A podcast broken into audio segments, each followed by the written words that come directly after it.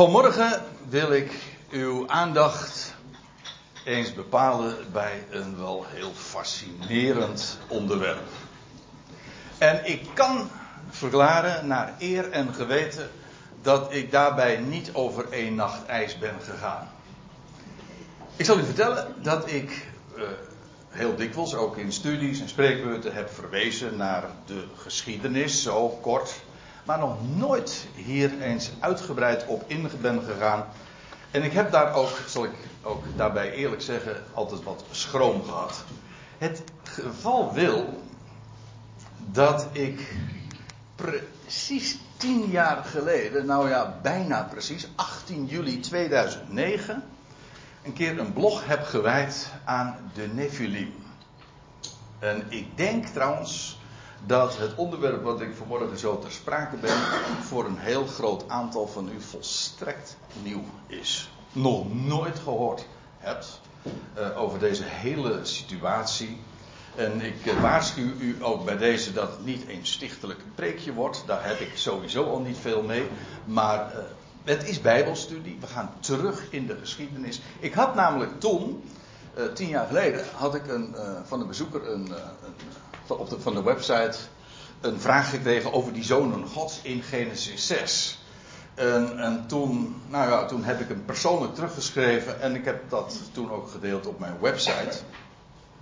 En toen heb ik gezegd, uh, toch liggen er nog wat open einden. Uh, ik wil er graag toch eens een keer bij gelegenheid op terugkomen. En nooit heb ik het meer gedaan. Niet omdat ik daar nooit meer over nagedacht. Integendeel.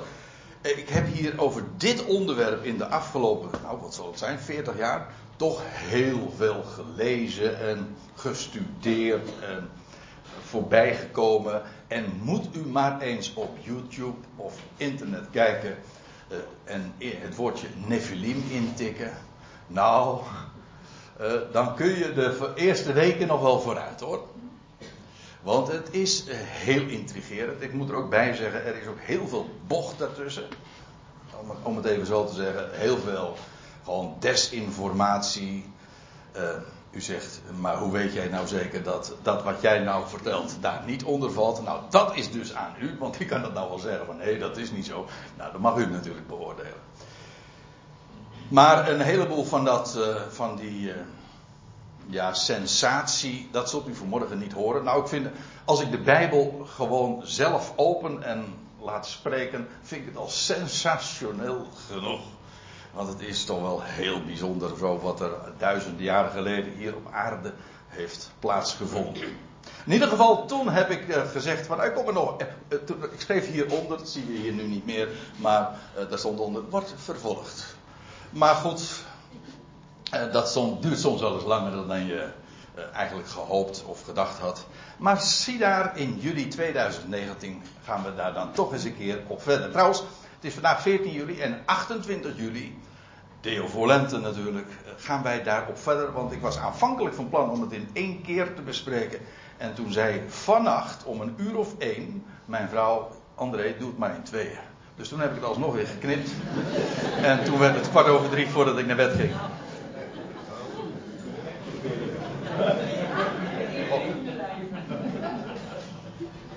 Nee, dat heeft ze niet geappt. Nee, oh. Nee, zo af en toe komen we elkaar wel eens in huis tegen. Maar, uh, nou ja, zo ging dat dus. Dus toen moest ik de website nog weer wat omgooien. Uh, dat wordt dus uh, een, een, een, bespreking in tweeën, want het, is, het vergt nog veel. Ik zal eventjes aangeven hoe ik het wil aanpakken. Vandaag gaan we ons eh, richten op Genesis 6, het historische deel. Dat wil zeggen, dat is ja, uh, een van de zonen van Noach, of Noach zelf, dat laat ik even in dit geval in het midden, heeft dit ooit opgetekend. In, het is, behoort bij zijn registraties, bij zijn Toledot. We hebben het ooit daar wel eens eerder over gehad. En, en later heeft dat uh, Mozes, uh, dat geredigeerd en ge, samengebracht in één boek, namelijk Genesis. En in dat Genesis 6 vinden we de directe aanleiding tot die enorme overstroming, die wereldwijde overstroming, die wij kennen als de zondvloed. Wat trouwens niks te maken heeft met zonde, maar het is een oud Nederlands woord voor groot. Een grote vloed. De aanleiding tot die zondvloed zal daarbij aan de orde komen. De zonen Gods. Wie zijn dat in vredesnaam? En de Nephilim. En, nou ja, ik zei al, uh, u hebt daar misschien nooit van gehoord. Een aantal van u weet ik zeker wel degelijk. Want ik ben er al vaak over, uh, nou ja, nou klinkt het een beetje onaardig, maar over lastige gevallen. Maar in ieder geval, uh, ja, het, het, komt zo vaak aan de orde, want je struikelt er bij de Bijbellezer gewoon over. De volgende keer, dan zullen we ons richten tot het Nieuwe Testament. Dus het blijft nog steeds de, de Zoon Gods in Genesis 6, maar ik zal u vertellen, in een drietal passages in het Nieuwe Testament wordt aan deze geschiedenis gerefereerd. Namelijk in 1 Petrus 3. Dan gaat het over de geesten in de gevangenis. Ja, het klinkt allemaal erg cryptisch en uh, ja, uh, geheimzinnig. Het roept in ieder geval de interesse wel wakker. In 2 Petrus 2 gaat het over de gevallen engelen in de Tartarus, de afgrond. En dan tenslotte ook in de brief van Judas, dat maar één hoofdstukje heeft, over engelen die hun oorsprong ontrouw werden. En ik zal u vertellen, in alle drie de passages gaat het en om die geschiedenis in Genesis 6 die we vanmorgen bespreken. En dan wordt eigenlijk de volgende keer, dat is eigenlijk de klapper in die zin, dan wordt ook volstrekt, wat mij betreft, helder uh, de identiteit van die zonen Gods, waar het in Genesis 6 over gaat. En als je nog van helemaal niks weet, dan vraag je, dan stel je, denk je nu nog steeds, André, waar heb je het nu over? Maar, don't worry, komt allemaal goed. Het wordt duidelijk ook, denk ik. Ik ga in ieder geval mijn best doen. Genesis 6. We zijn dan nog heel vroeg in de geschiedenis in de wereld van de voortijd of van de oertijd, voor de grote overstroming. En de directe aanleiding wordt hier in deze eerste vier, vijf versen beschreven. En dan gaat hier, wordt hier gesproken over de mens. En toen de mens zich begon te vermeerderen op het aangezicht van de aardbodem. Het is een wat letterlijke weergave, maar zo staat het er dan. De mens, daar staat in het Hebreeuws Ha-Adam. En soms is het gewoon een aanduiding van uh, de, uh, gewoon, uh, de mensheid, mensen, als soortnaam, maar ook als persoonsnaam. Namelijk Adam is niet alleen maar de naam van het soort, namelijk de mens, maar ook zijn naam. Eigenlijk zijn wij allemaal, zo zou je het dus kunnen zeggen, wij zijn allemaal vernoemd naar onze stamvader. En dat betekent, we zijn Adam mythen. Ja. Uh, en dit was de mens. Zo wordt Adam, de persoon, ik bedoel getrouwd met Eva, uh, of de man van Eva, ja, of, of die getrouwd was, dat vind ik altijd nog een beetje lastig. Ja, hij was getrouwd, ja, toch wel. Toch, het was zijn vrouw, toch? Dus ja, nog niet getrouwd. Ja. Of er veel mensen bij de bruiloft waren, dat denk ik niet, maar. Uh, dat is een wat apart verhaal. In ieder geval, de mens is Ha-Adam, dat is die ene mens. En toen de mens zich begon te vermeerderen, en dat moet toch in die eerste tijd heel snel gegaan zijn. Ik moet er ook bij zeggen, ze hadden de tijd ook. Ja, ik bedoel in die zin, uh, ze werden ook heel erg oud. En, want er staat er, toen werden hun hen dochters geboren. Ja, dan zeg je, de, dat is nogal logisch, want als je je gaat vermeerderen, dan uh, is de kans 50% dat het ook een meisje is. Dus werden hen dochters geboren, maar dan gaat het hier over Adam. Uh, die hen, dat zijn dus Adam en Eva. En het is buitengewoon belangrijk in het algemeen met die geslachtsregisters, ook al in Genesis, het wordt allemaal toegespitst. Want die registers, ook, ik bedoel, de, de, de stambomen, spelen een grote rol. Als in, in het boek Genesis kijkt, trouwens, dit is Genesis 6, maar het hoofdstuk direct daaraan voorafgaand, Genesis 5 dus, dan is dat gewoon uh, het register ja, van, uh, van Adam en al die uh, zonen. En dan staat er ook keurig bij hoe oud ze waren toen ze hun eerste kind of eerste zoon kregen. En dan vervolgens nog de resterende tijd en de totale leeftijd. En die, nou ja, dat wordt allemaal keurig zo geregistreerd als uh, als ware het de burgerlijke stand. Maar het dient een groot doel, want uh, op een gegeven ogenblik gaat het zich steeds meer toespitsen. En dan worden, worden alleen nog maar bijvoorbeeld de namen en leeftijden vermeld van degene die de messiaanse schakels zijn. Moet ik even toelichten. Ik bedoel, op een gegeven ogenblik gaat de lijn verder uh, naar de zondvloed bij Noach en Sem. En dan wordt alleen die, die schakels van Sem worden genoemd, omdat dat leidt tot Abraham. En dan vervolgens komen we duizenden jaren later uit bij ja, de Messias het zaad van de vrouw. Dat wil zeggen, dat wat de vrouw zou uh, voortbrengen. Dat is een wat merkwaardige uitdrukking. Maar daar ga ik verder nu niet op in. Maar in ieder geval, het is buitengewoon belangrijk om dat in te zien. Want wat was er gebeurd toen uh, het eerste mensenpaar de hof was uitgezet. En zodoende, zodat ze geen toegang meer hadden tot het geboomte van het leven. Toen, ja, toen gingen ze dood. Ze, ze, waren uit de aarde genomen. En ze bleven weliswaar in leven. Maar dat was dankzij het geboomte van het leven waardoor ze toegang hadden. En op het moment dat ze uh, daar geen toegang meer toe hadden. Ja, gingen ze dus dood. Nou ja, ze, ze leefden. Moet je ook goed realiseren. Dat is sowieso al duidelijk. In die eerste aion tot aan de zondvloed. Mensen werden buitengewoon oud. Daarna ook nog, maar dan zie je het ook. Als je, je zou het dus in een Excel-sheet moeten zetten. Nou, dan zie je ook dat het eh, een, een lijntje gaan trekken. Dan zie je echt dat het uh, ziender ogen per generatie steeds, uh, steeds afneemt. Dat wil zeggen, steeds minder oud worden. Maar in ieder geval in die eerste, die eerste duizenden jaren werden mensen nog enorm oud. En Nou ja, die, over die lijn hebben we het dus, Adam en Eva. Eh, je leest in Genesis 5, waar ik zojuist al even naar verwees. Dan staat er in vers 4: En de dagen van Adam, nadat hij Seth verwekt had. Toen was hij trouwens 130. Ja, het, is, het, het klinkt. Eh, als je over deze dingen leest in dit boek.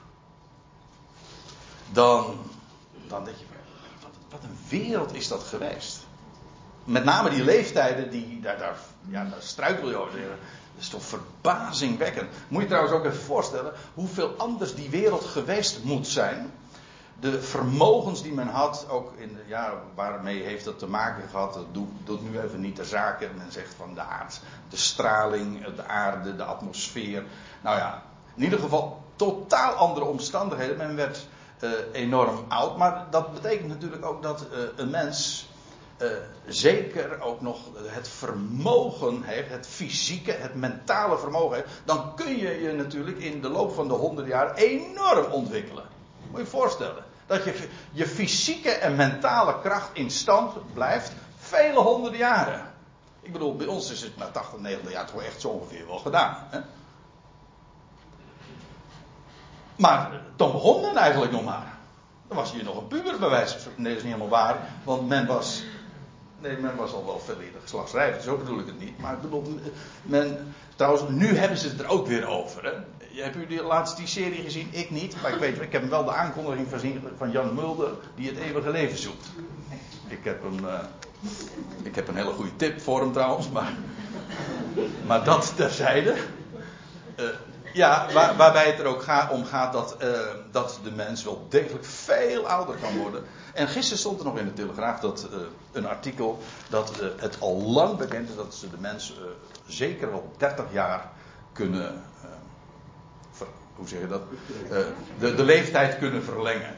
Met, met, gemak, dat gaat gebeuren. Trouwens, we zitten al in dat proces.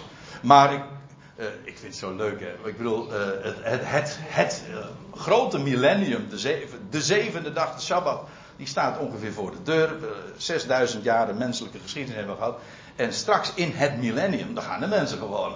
Krijgen de leeftijden van de bomen, zoals ze dat ook hadden in de dagen voor de zondvloed. Dat gaat weer gebeuren. Dus dat klinkt allemaal erg science fiction, maar gaat toch echt gebeuren hoor.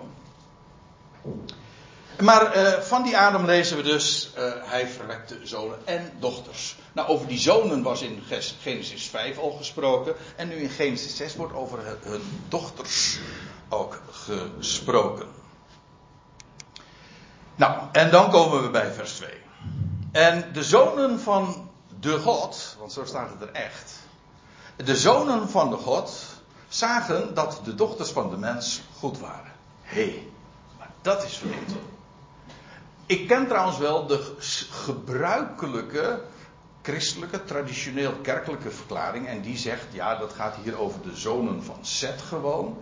Uh, die met de zonen van uh, Kaan, of met het geslacht van Kain zich vermengden.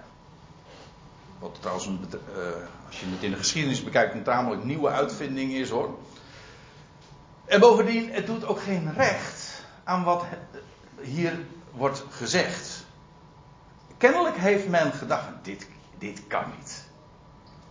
Maar A, het staat hier gewoon toch echt luid en duidelijk. Als je dit gewoon recht toe, recht aan leest. Uh, straightforward, zoals de Engelsen dat zeggen. Dan kan je maar één ding uh, hieruit opmaken. En dat is, uh, die zonen van God. Die staan hier tegenover.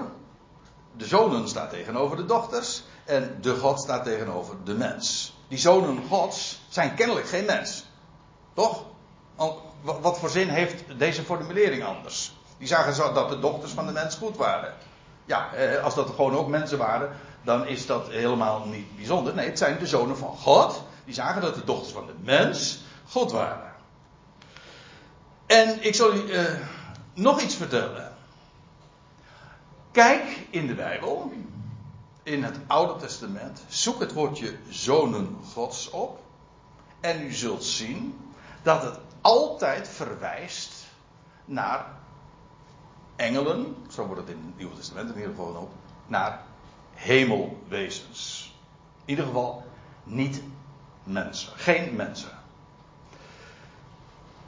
De zonen Gods, we komen ze tegen bijvoorbeeld in Job 1, uh, die dat hoofdstuk waarin we eigenlijk een inkijkje krijgen achter de coulissen, zo van wat er achter het wereldgebeuren plaatsvindt. En dan gaat het over de geschiedenis van Job en dan staat er, en, en het was de dag dat de zonen gods kwamen om zich op te stellen voor Yahweh. En ook de Satan, de tegenstander, kwam in hun midden. En even later in hoofdstuk 2 staat er weer iets soortgelijks. En op de, dag kwamen de zonen gods om zich op te stellen voor Yahweh. En ook de Satan, de tegenstander, want dat is wat het woord Satan betekent, kwam in hun midden om zich op te stellen voor Yahweh. Maar nou even nog even nog doorbladeren. Naar hoofdstuk 38. Wie zijn dat? Die zonen gods.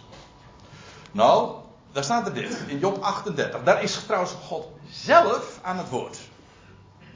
En dan, nadat er van alles is gezegd door de vrienden van Job. Over de verklaring waarom hij in het lijden is en dergelijke. En op een gegeven ogenblik gaat God alleen maar vragen stellen.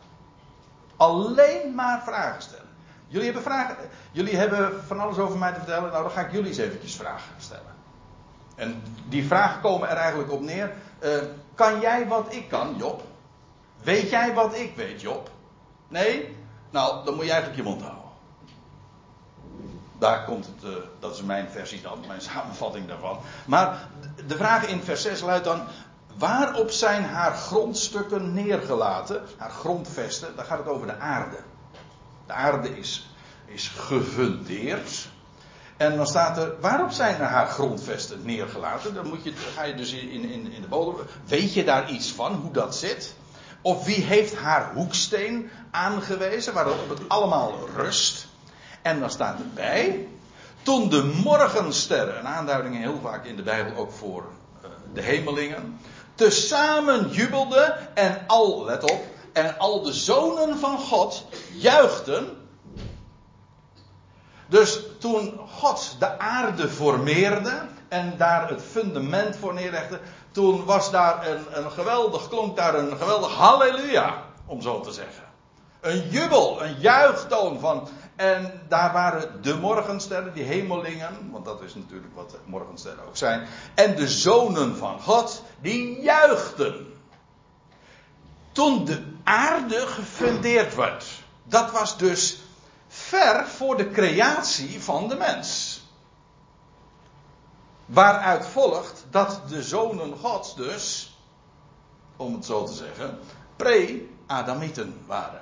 Ja, pre-Adamieten wilden dus zeggen, ze gingen, ze waren er al voordat Adam er was. Toch? Die zonen van God, die waren er namelijk al toen de aarde gefundeerd werd. En ja, dan komt er trouwens nog iets. En ik heb lang geaarzeld om deze dia te tonen. En toch doe ik het. Uh, want waren die zonen van God soms ook betrokken bij de creatie van de mens? Ziet u het vraagtekentje? Ik beweer niks, maar ik stel wel een vraag.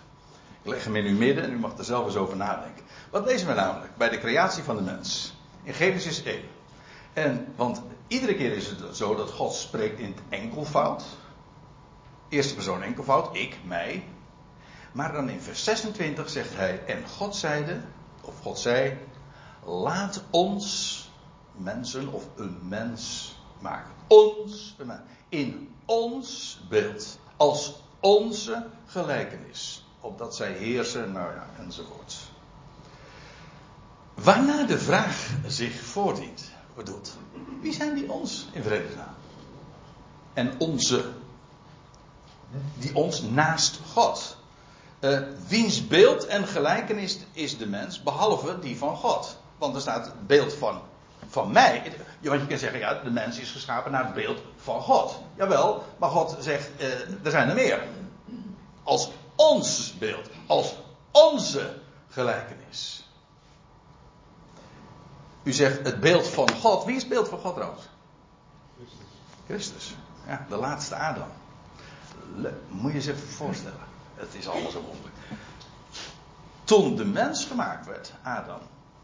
Toen was dat al met de laatste Adam in beeld. Dus Adam werd gemaakt naar de laatste Adam die zou komen. Dus het model, dat is de laatste Adam. Dus toen Adam gemaakt werd, of geformeerd werd, of geschapen werd, of gecreëerd werd, toen had God de laatste Adam in oog. Dus Adam was op voorhand al bedoeld als een eerste, maar niet de definitieve versie. Maar goed, dat laat ik even voor wat het is. het gaat erom dat eh, er niet alleen sprake is van, uh, van Gods beeld, maar God zegt er zijn er meer. Ja, en dat. Uh, je leest dan inderdaad dat God de mens formeert uit de aardbodem. Want daar zijn wij allemaal gewoon fysiek uit afkomstig. We zijn gewoon allemaal gewoon aards materiaal. Het woord Adam betekent eigenlijk ook uit de aarde. Adama. Uit de aardbodem, uit de aarde genomen. En dat roept de vraag: is de mens soms gemaakt van. Uh, bij het creatieproces van de mens uh, waren er dus nog meer betrokken. Heeft God uh, het materiaal gebruikt van de zonen gods? Dat is een vraag, hè? Die ik stel. Het feit dat daar ons en onze staat, suggereert dat. Wat ook alweer, en daarom is het ook een beetje een aanloopje, dat die zonen gods iets mensachtigs hebben. Het zijn geen mensen, dat is duidelijk, want Adam was de eerste mens. Maar wel iets mensachtigs hebben, zodat de mens erop lijkt. Enfin. We gaan weer even terug naar Genesis 6. Dat waren die zonen van God. Dat, dat zonen van God, dat waren, dat waren, die waren er dus al ver voor Adam. Of in ieder geval, laat ik het eh, netjes zeggen, voor Adam. Toen de aarde ge, ge, gefundeerd werd, toen waren zij er al.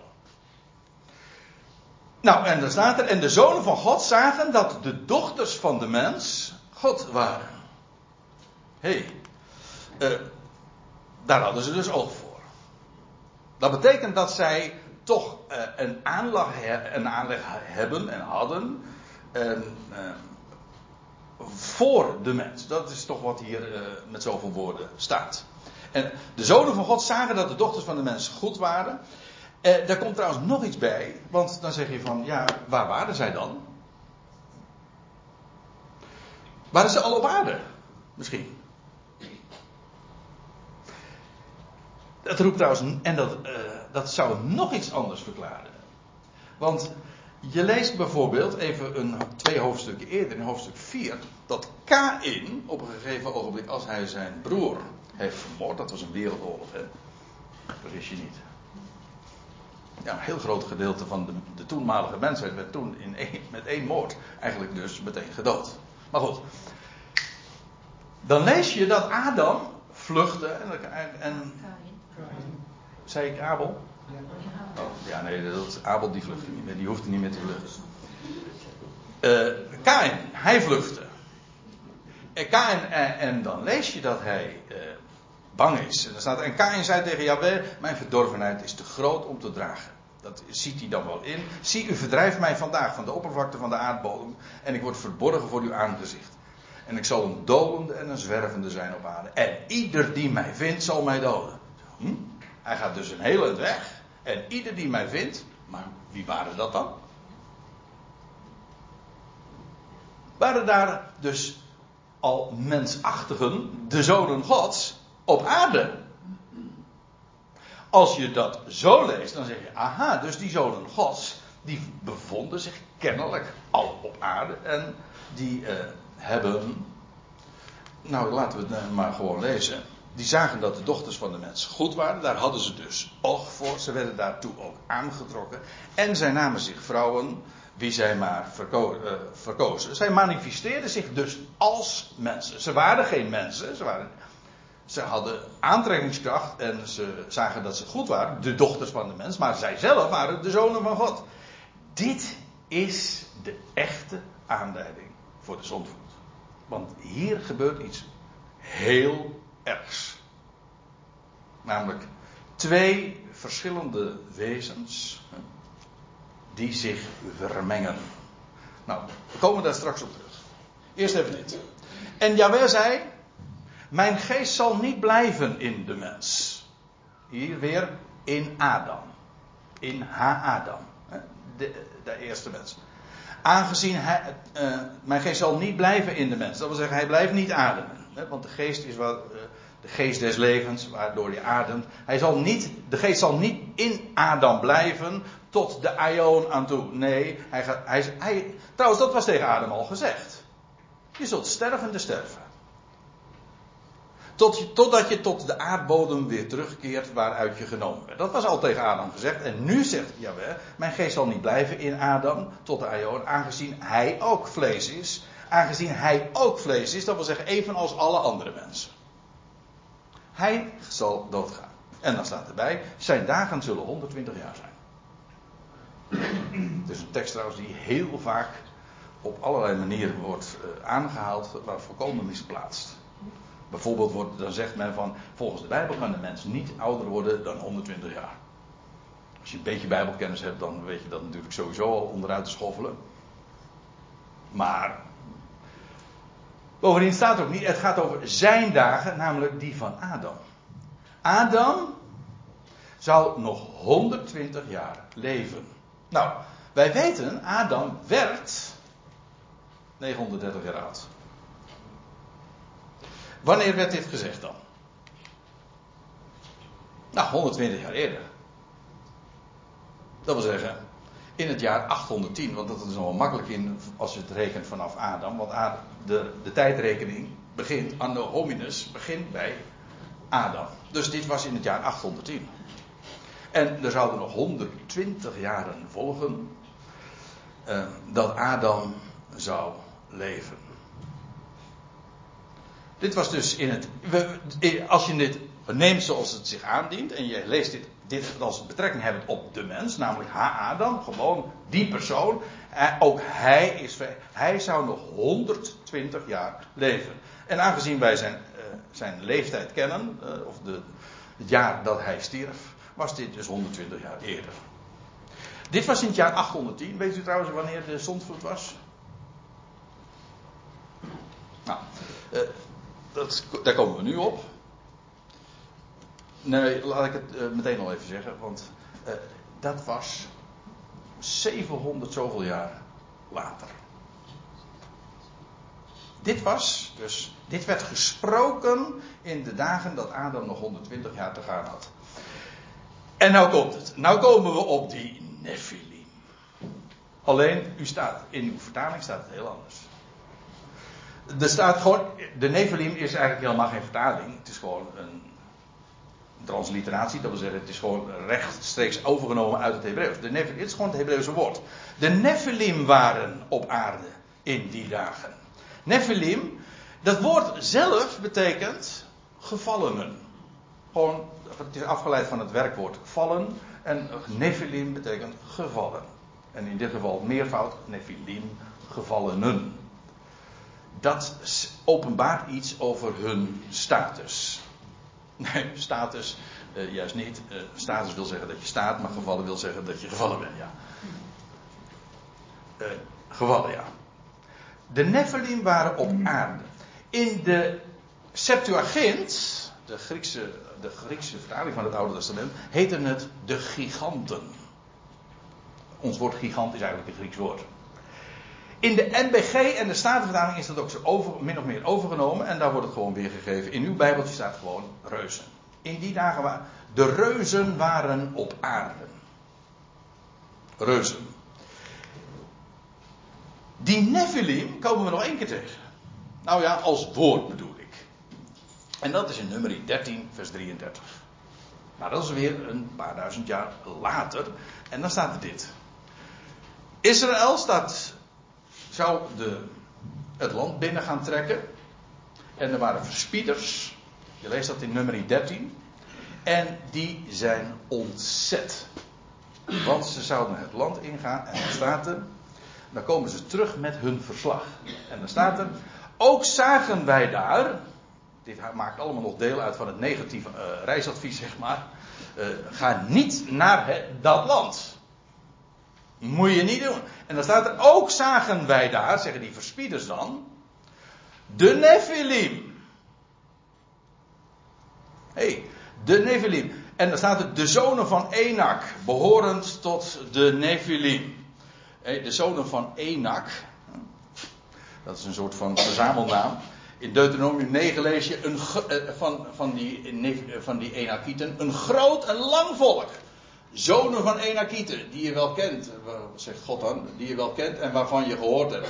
Wie stelt zich op voor het aangezicht van de zonen van Enak? Dat, waren, dat, dat was een reusachtig volk, groot en lang.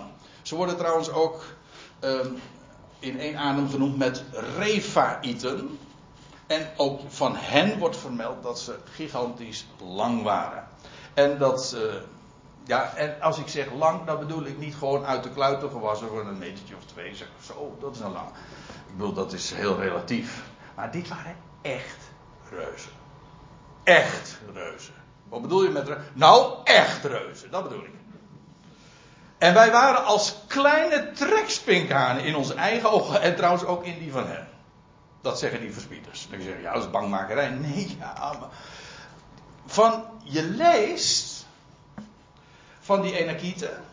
Dat in, in Jozua 11 andere plaatsen. Dat ze onder leiding van Jozua allemaal zijn omgebracht. Dat moest ook. Dan zeg je van dat is genocide. En ja, in zekere zin was dat ook zo. Maar dat komt omdat we te maken hebben met een hybride volk. Dat wil zeggen een kruising. Dat er absoluut niet mocht wezen. Uh, je leest eh, van die Enakieten zijn omgebracht, behalve staat er dan bij in Gaza, Gat en Asdod. Dat is de, nou ja, de huidige Gaza-strook, zeg maar, die steden daar. Daar waren nog steeds Enakieten. Uh, je leest van zulke lui een paar namen. Bekend is Och. Nou ja, dus niet de bekendste. Och, hij was de koning van Bazan. En dan van hem staat, hij had een bed met een lengte van 4L en een breedte van, 4, eh, nee, van 9L en eh, van een 4L breed. Die man die was gigantisch groot. 9L. Als we even vanuit gaan dat het 50 centimeter was, was hij dus. Juist. 4,5 meter. Nou, ik bedoel, dat is. Ja, daar zit, ik kan zo een paar mensen aanwijzen zeggen, nou, die zijn best wel lang. Maar dat is geen enakiet hoor. En wat dacht u trouwens van Goliath? Die kwam, die kwam uit Gat.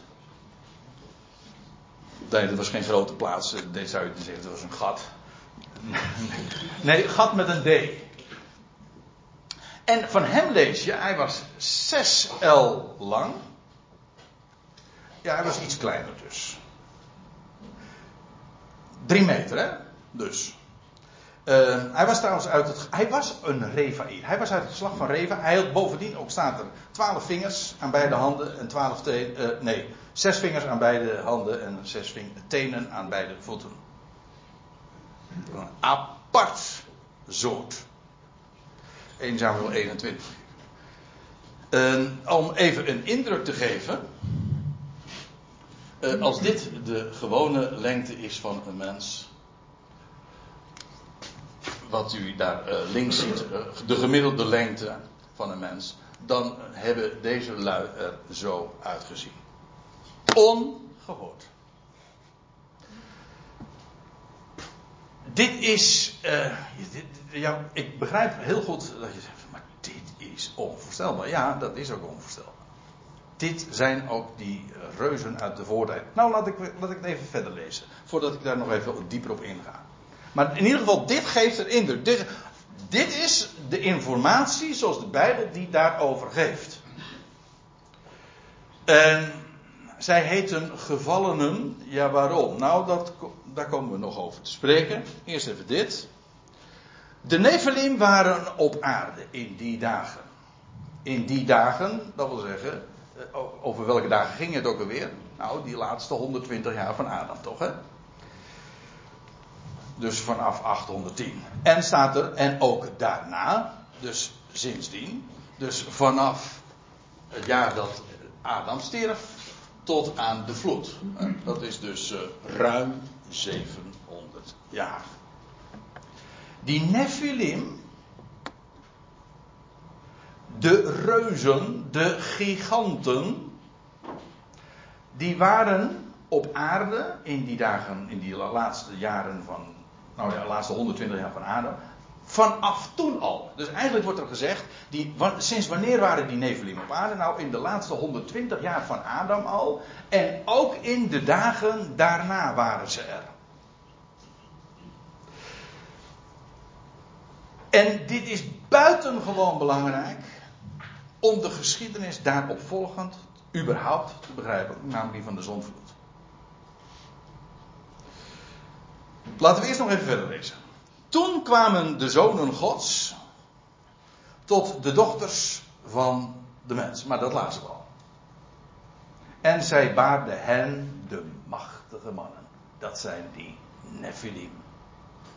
Dus, dus dit geeft een, ja, een, dus met recht, een, uh, een, een hybride mensensoort. Hybride betekent dus zeggen, uh, wil zeggen een bastaard, maar het is eigenlijk ook een kruising. Van twee elementen die eigenlijk niet bij elkaar horen.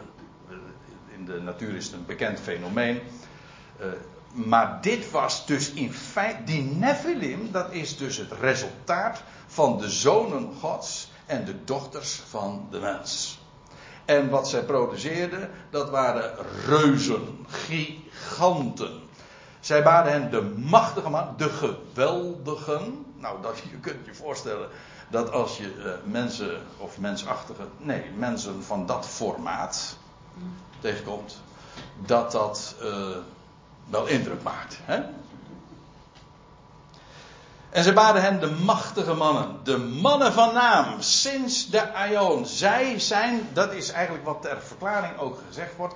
Dit zijn nou die men, die enorme namen, uh, die, die faam hebben gekregen. En ik zal u vertellen, die hebben wereldwijd in alle landen zo'n beetje, die al een hele uh, lang verleden hebben zijn de overleveringen en ook overblijfselen daarvan gebleven. Wereldwijd zijn er overleveringen bewaard gebleven van reuzen. Uh, en van godenzonen. En de opmerkelijke is, waar ook, hè, van de, je leest het in de, in de verslagen en in de analen van de Inca's, in de Maya's, dus in Zuid-Amerika. Maar ook van de Romeinen en de Grieken wordt daarover gesproken. Over reuzen. En ook opmerkelijk genoeg, want ook de herinnering aan de zondvloed, uh, die wereldwijde overstroming, is ook wereldwijd. Alle volkeren, alle antieke volkeren, hebben daar verslagen van. de Babyloniërs, maar alle volkeren. Ook, uh, nou ja, de namen die ik hier heb vermeld. Daar, uh, daar, zijn, er zijn hele mooie boeken erover die, die je daarop uh, over kunt raadplegen. Waarin je inzage krijgt hoe dat in het bewustzijn, in, in hoe zeg je dat? In het historisch bewustzijn van de mens is ja, gebleven. De mensheid heeft herinnering en aan een vloed, maar ook aan de aanleiding daartoe. En over die giganten die de aarde, die de aarde heeft bevolkt en die ook gigantisch, gigantisch hè, hebben huisgehouden. De hele mythologie, daarvan zeggen ja, dat, uh, ja dat, dat zal je gedacht zijn. Dat is waar, dat is uit de duim gezogen. Maar niet helemaal.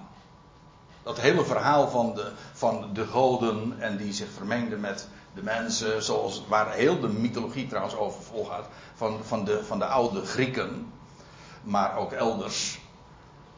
Dat berust, dat is eigenlijk uh, niks anders dan een. Uh, hoe zeg je dat? De, de historie die uh, bewaard is gebleven, maar die in allerlei verhalen dan uh, opgeblazen is, vervormd is. Maar niettemin, de kern ervan is volstrekt uh, historisch. Uh, bekend is in de mythologie van, de, van de godenzonen en de titanen, dat waren ook reuzen.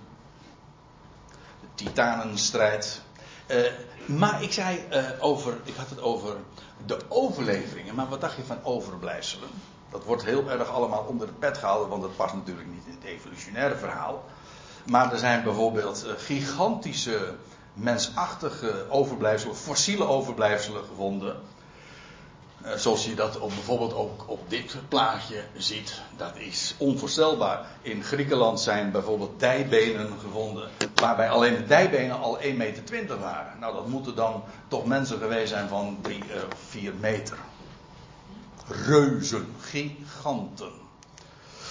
En dit is een plaatje van de, in de Griekse mythologie, de titanenstrijd. Trouwens, wat dacht u van, de, van die bouwwerken waarvan men altijd zich heeft verbaasd? Hoe heeft de mens dat allemaal voor elkaar gekregen? Op het moment dat je ook trouwens ziet dat die Nephilim ook na de vloed trouwens nog weer een rol hebben gespeeld. Maar dat, dat, uh, dat las ik net voor. Uh, dit is Stonehenge, ja, in, uh, niet zo gek ver hier vandaan. En de piramides, maar er zijn wel meer voorbeelden van te geven. In ieder geval, die op het moment dat je, het, dat je de Bijbelse historie daarbij betrekt, namelijk, en ook trouwens alle overleveringen erbij betrekt, namelijk die van de giganten die ooit op aarde zijn geweest, dan komen dit soort dingen in een totaal ander licht te staan. Maar ja,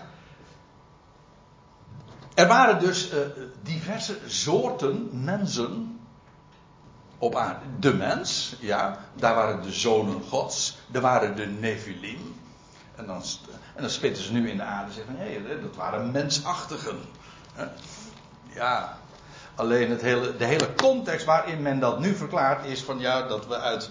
Uh, uh, want wij, zei, wij stelden gewoon aan het begin van de samenkomst voor.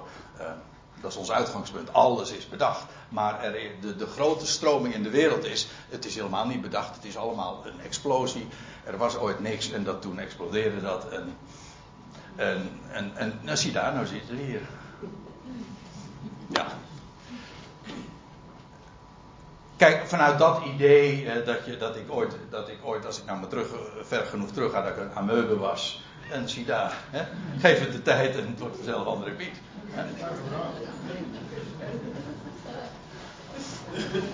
Er gebeuren toch nog wonderen. Ja. ja. Maar, ja, nee, dat, dat, dat, hele, dat hele verhaal, God wordt weggeredeneerd. En trouwens ook de gewone, de geschiedenis, zoals de schrift die ons overlevert, betrouwbaar. Maar in de overleveringen wordt dat, nou ja, is dat gedeformeerd. Nee, gedeformeerd zei ik hoor. Niet gereformeerd. uh, is dat allemaal vervormd? Allemaal tot je dienst. Maar de clue ervan is, de oorsprong, de oorsprong uh, is wel degelijk dat die giganten op aarde waren. Er staat ook in Genesis uh, 6 dan nog bij. En Jawel zag dat het kwaad van de mens veel was op aarde. Hoezo? Nou, vanwege die Nevelim. Die zonen gods die zich vermengden met de dochters van de mens. Dat was de reden. En ik zei al, het voordeel was geweest als ik het allemaal in één had verteld, had ik meteen ook alle bonnetjes op tafel kunnen leggen. Maar ik ben toch blij dat ik het niet gedaan heb. Dus de volgende keer ga ik, gaan we naar het Nieuwe Testament. En dan zult u het echt volstrekt, als u het mij vraagt, eh, onmiskenbaar ook gewoon vast kunnen stellen. Eh, wat de oorsprong van die zonen Gods was. Want de, ook het Nieuwe Testament, Petrus en Judas, hebben dat op deze wijze gewoon zo gelezen. En dat kan allemaal onder de pet gehouden worden, niet over verteld worden, maar het is onmiskenbaar. En dat gaf ook de aanleiding tot de zondvloed. Waarom heeft God dat zo gedaan met de, de, met de mensheid? Wat was er dan aan de hand? Deze stout of zo? Nee, nee, er was iets heel anders aan de hand. Uh, zag, ik lees even verder. Jawel zag dat het kwaad van de mens veel was op de aarde. En alle vorm van plannen van zijn hart heel de dag slechts kwaad was. Dat wil zeggen, het werd, het werd ook met recht van kwaad tot erger. En dan lees je, en ik sla nu even een paar versen over. Noach was in zijn generaties een rechtvaardig. Gerechtvaardig betekent in de Bijbel gelovend. God rekent geloof tot rechtvaardigheid. Hij geloofde in God. En dat maakt hem rechtvaardig. Hij was rechtvaardig en onberispelijk man. Maar dan moet je even goed in de gaten houden waar het hier over gaat. Hij wandelde ook met God, Ja, natuurlijk, hij was rechtvaardig. Maar dat onberispelijk, uh, in het Hebreeuws staat er hier tamim. Het is het standaardwoord in uh, het Oude Testament voor uh, de offerdienst. Namelijk, dieren moesten tamim zijn. Ze moesten gaaf zijn. Onberispelijk. Ze mocht, er mocht niks aan mankeren. Wel, Noach was tamim. Hij was onberispelijk, hij was gaaf. Ja, zijn stamboom was wel zuiver. Hij was gaaf. En staat erbij, Noach verwekte drie zonen, we kennen ze, want zij horen, ja, ze zijn onze stamvaders. We zijn niet alleen nakomelingen van Adam, maar ook allemaal van Noach. Toch? En Sem, Gam en Javet, daar, daar gaat God iets heel nieuws mee beginnen. En dan staat erbij, dit was vers 10. Vers 9 was Noach was onberispelijk. Noach verwekte drie zonen, vers 11. En de aarde was verdorven. En dat staat dus tegenover die gave, die onberispelijke Noach en zijn zonen. Hij was, om het eventjes modern te zeggen, eh, de aarde was ook genetisch gemanipuleerd. Want dat is eigenlijk wat die, dat hybride mensensoort, die Nephilim, was. En dat gaf. Uh, dat was afschuwelijk wat dat, met uh, wat dat teweeg bracht. En de aarde was vol van geweld. Had ook alles te maken met die geweldenaars. Hè? Ja. Trouwens, als je. Ja, daar zijn zulke boeiende dingen over te vertellen. Want over. Uh, daar, is een, daar zijn apocryfe boeken van. Ik wil daar. Ik beperk me nu helemaal tot de schrift. En dat doe ik expres, maar ik geef nu even een verwijzing naar, een, uh, naar, naar de boeken, naar het boek van Henoch. Een aantal van u uh, weten waar ik het over heb. Ja, we hebben er ooit uh, nog eens een keertje ons uitgebreider mee bezig gehouden, Etienne. Over dat boek van Henoch.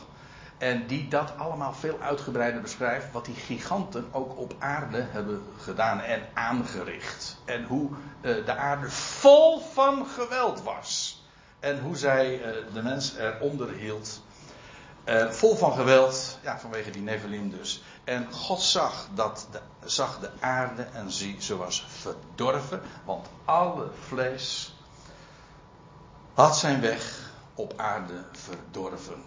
Vermengd, gedegenereerd. Met recht. Dat is wat die Nephilim doen. En daar kon eigenlijk maar op één manier worden geantwoord. Dat was, een, dat was, een, dat was Noach. Die was zuiver, die was gaaf. Onberispelijk.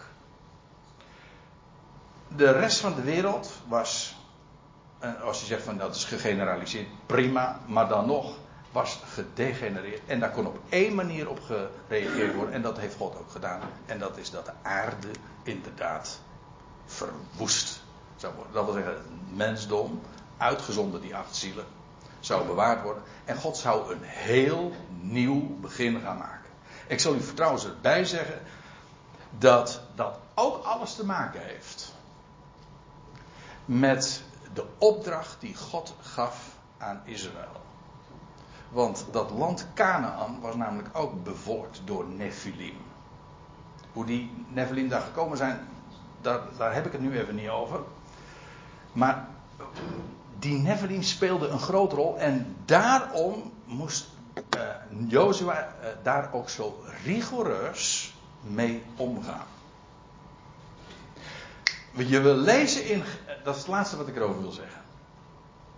Dat tegen Abraham wordt gezegd dat pas het, het vierde geslacht, als zijn nageslacht zou in Egypte terechtkomen, en dan staat er en de vierde generatie, pas 400 jaar later zou het volk, zijn nageslacht, zou het land Canaan in bezit gaan nemen. En dan vraag je af waarom? Nou, daar staat bij, omdat eerder de maat van de ongerechtigheid der Amorieten niet vol zou zijn. Dus God heeft gewacht tot het derde en het vierde geslacht. Ja, ja. De meeste mensen klinken dat uh, met de tien geboden in de oren misschien heel anders. Maar God heeft gewacht, dat zijn geduld. En pas toen was de maat der ongerechtigheid uh, van de Amorieten vol. En toen heeft God gezegd, en nu gaat, moet, hier, moet hier een einde aankomen. Dat was dus ook het bewaren en een zuivering met recht van de mensheid. Om, zodat de mensheid niet wederom weer gedegenereerd zou worden. Vandaar dat er op die wijze, dat lees je trouwens ook bij Sodom en Gomorra, daarover de volgende keer ook meer. Uh, dat was er aan de hand. Daarom dat optreden. Dus uh, dat brengt de hele, die gebeurtenis van de zondvloed, die enorme rigoureuze daad die God heeft gesteld, uh, door de mensheid zo om te brengen in die enorme overstroming, brengt, zet het in een totaal ander licht. Het was dus niet zo van dat de mens steeds ja, ja, stouter werd of zo in die sfeer van en dat, dat daar op deze wijze alleen maar een antwoord op kon worden gegeven. Nee. De mensheid was verdorven en om weer een nieuw begin te maken, daarom heeft God die zondvloed over de aarde uh, ge, gegeven en is de aarde overstroomd. En zo is daar ook een einde aan gekomen. Zodat. Oh, hey, we zijn er. Zodat. Uh, als we Genesis 6 lezen, dan kan het niet missen dat we te maken hebben met een, een beschrijving zoals het ooit in, uh, ja, in, de, in de voortijd is gegaan en hoe God heeft opgetreden en hoe God dan inderdaad weer een nieuw begin gaat maken met Noach en de zijnen. En nou, u kunt toch niet zeggen dat we het hier iedere keer over hebben, hè? Maar ik vind het, uh, dit is van belang, want de meeste mensen, nou, vrij, niemand weet van deze aanleiding. Waar of niet? Wie wist dit? Ja, ja, ik zie een paar vingers van mensen die zeggen, ja, nee, dat wist ik. Maar ik, ik weet zeker dat de meeste mensen hiervan niet op de hoogte zijn. Dit is wat de schrift daarover meldt. En, uh, maar er is nog veel meer over te zeggen. Maar, wordt vervolgd. Zullen we het hierbij laten, vrienden?